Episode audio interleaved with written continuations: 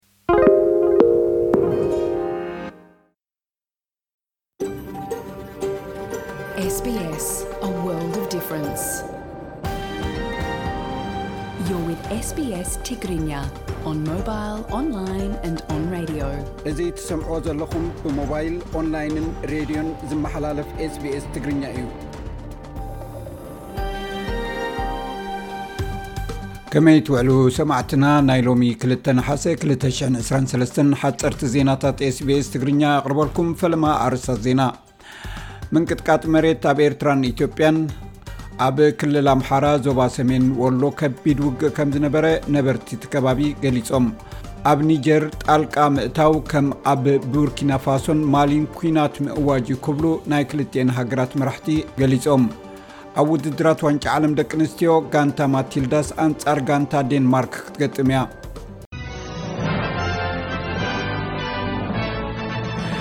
ሰሉስ ምሸት ዕለት ሓደ ንሓሰ 223 ኤምag 44 ዝዓቐኑ ድሕረ ምንቅጥቃጥ መሬት ኣብ ኣስመራን ባፅዕን ተሰሚዑ እቲ ምንቅጥቃጥ መሬት ኣብ መቐለ እውን ከምዘጋጠመ ፀብፃባት ሓቢሮም ኣለው።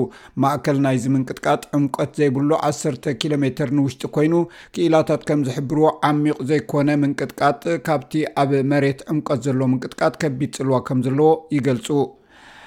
ሚኒስተር ኣባይቲ ጁሊ ኮሊንስ ነቲ ናይ ዓሰርተ ቢልዮን ዶላር መንበሪ ኣባይቲ ኣውስትራልያ ናይ መጻኢ ማዕከን ናብ ታሕተዋይ ባይቶ ፓርላማ ዳግማይ ኣቕሪባቶ። ናይዚ መንግስቲ ማእከላይን ቀንድን ፖሊሲኡ ኣብ ውሽጢ ሓሙሽተ ዓመት ሰላሳ ሽሕ ማሕበራውን ዓቕምን ዘለዎ መንበሪ ንኸቕርብ ኮይኑ በቶም ኣብ ሰነት ዘለዉ ሰልፊ ግሪንስን ጥምረትን ንሓደ ወርሒ ከም ዝድስክል ኮይኑ ጸኒሑ'ሎ። እቲ ብዛዕባ ናይ ደቀባት ድምፂ ኣብ ፓርላማ ዝግበር ረፈረንደም እንተተዓዊቱ እቲ ኮመንወልት ዝኣተዎ ቃል ናይ ኪዳን ወይ ትሪቲ ከተግብር ይደራደር ኣሎ ንዝበሃል ነገር ቀዳማይ ሚኒስትር ኣንቶኒ ኣልበኒዝ ነፂግዎ እቲ ቀዳማይ ሚኒስትር ዝሓለፈ ዓመት ኣብ እተገብረ ፌደራላዊ ምርጫ ድሕሪ ምዕዋቱ ነቲ ናይ ኡሉር ስቴትመንት ፎሮም ዘሃርት ሙሉእ ብምሉእ ኣብ ግብሪ ከውዕሎ ቃልኣት እዩ ነይሩ በዚ መሰረት ፈለማ ድምፂ ብድሕሪኡ ከኣ ውዕል ወይ ትሪቲ ብድሕሪዚ ሓቂ ብቀደም ሰዓብ ዘተግብር እማመ እዩ። ኣብ ኢትዮጵያ ክልል ኣምሓራ ዞባ ሰሜን ወሎ ኣብ ከባቢ ከተማ ቆቦ ካብ ፍርቂ ለይቲ ክሳብ ወጋሕታ ከቢድ ተኹሲ ከም ዝነበረ ነበርቲ እቲ ከባቢ ገሊጾም። ብተወሳኺ እቶም ነበርቲ እቲ ዝካየድ ዘሎ ጎንጺ ንህዝቢ ከም ዘቖጥዐ ይገልጹ። ካብ ትማል ምሸት ጀሚሩ ኣብ ከባቢ ከተማ ቆቦ ብዝተፈጥረ ተኹሲ መገዲ ከም ዝተዓጽወ እውን ገሊጾም ኣለዉ ክብል ዶቸ ቤለ ካብቲ ከባቢ ፀብፂቡ።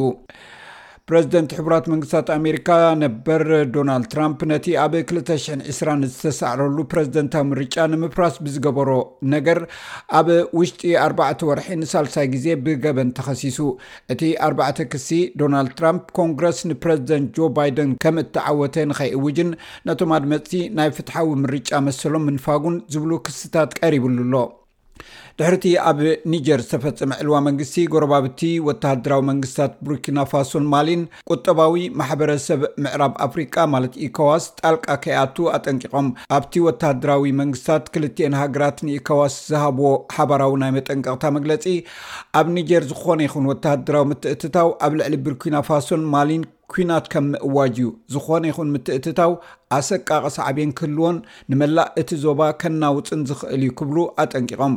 ቡርኪናፋሶን ማሊን ንባዕለን ኣባል ሃገራት ኢካዋስ ምዃነን ይፍለጥ። መንግስቲ ፖላንድ ክልተ ሄሊኮፕተራት ቤላሩስ ናብ ፖላንድ ከም ዝኣትዋ ገሊጹ። በዚ ድማ ኣብቲ ምስታ ኣባል ኔቶ ዝዀነት ምስ ሩስያ ኣብ ዝዳውብ ዶብ ወጥሪ ሰፊኑ ይርከብ። ሰበስልጣን ዋርሶ ከም ዝገልፅዎ ፖላንድ ኣብቲ ዶብ ዘለዋ ወተሃደራዊ ህላወ ከም ዘዛየደቶ እዮም ገሊፆም። ኣብ መወዳእታ ኣብ ውድድራት ዋንጫ ዓለም ደቂ ኣንስትዮ 2023 ኣሰልጣን ዴንማርክ ላርስ ሶንድራንድ ኣብ ውድድር ዋንጫ ዓለም ደቂ ኣንስትዮ ዓወት ኣውስትራልያ ኣብ ልዕሊ ካናዳ ፍፁም ምዃኑ ገሊፁ።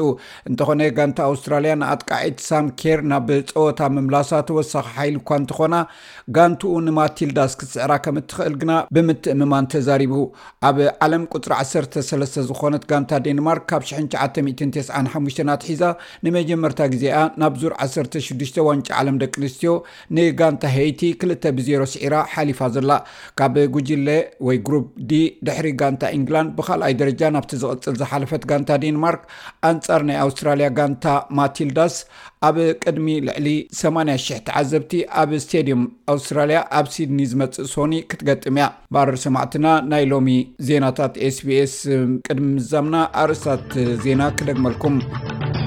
ምንቅጥቃጥ መሬት ኣብ ኤርትራን ኢትዮጵያን ኣብ ክልል ኣምሓራ ዞባ ሰሜን ወሎ ከቢድ ውግእ ከም ዝነበረ ነበርቲ እቲ ከባቢ ገሊፆም ኣብ ኒጀር ጣልቃ ምእታው ከም ኣብ ቡርኪናፋሶን ማሊን ኩናት ምእዋጅ ክብሉ ናይተን ሃገራት መንግስታት ኣጠንቂቖም ኣብ ውድድራት ዋንጫ ዓለም ደቂ ኣንስትዮ ጋንታ ማቲልዳስ ኣንፃር ጋንታ ዴንማርክ ክትገጥም እያ እዚ ሬድዮ ስቤስ ብቋንቋ ትግርኛ ዝፍኖ መደብ እዩ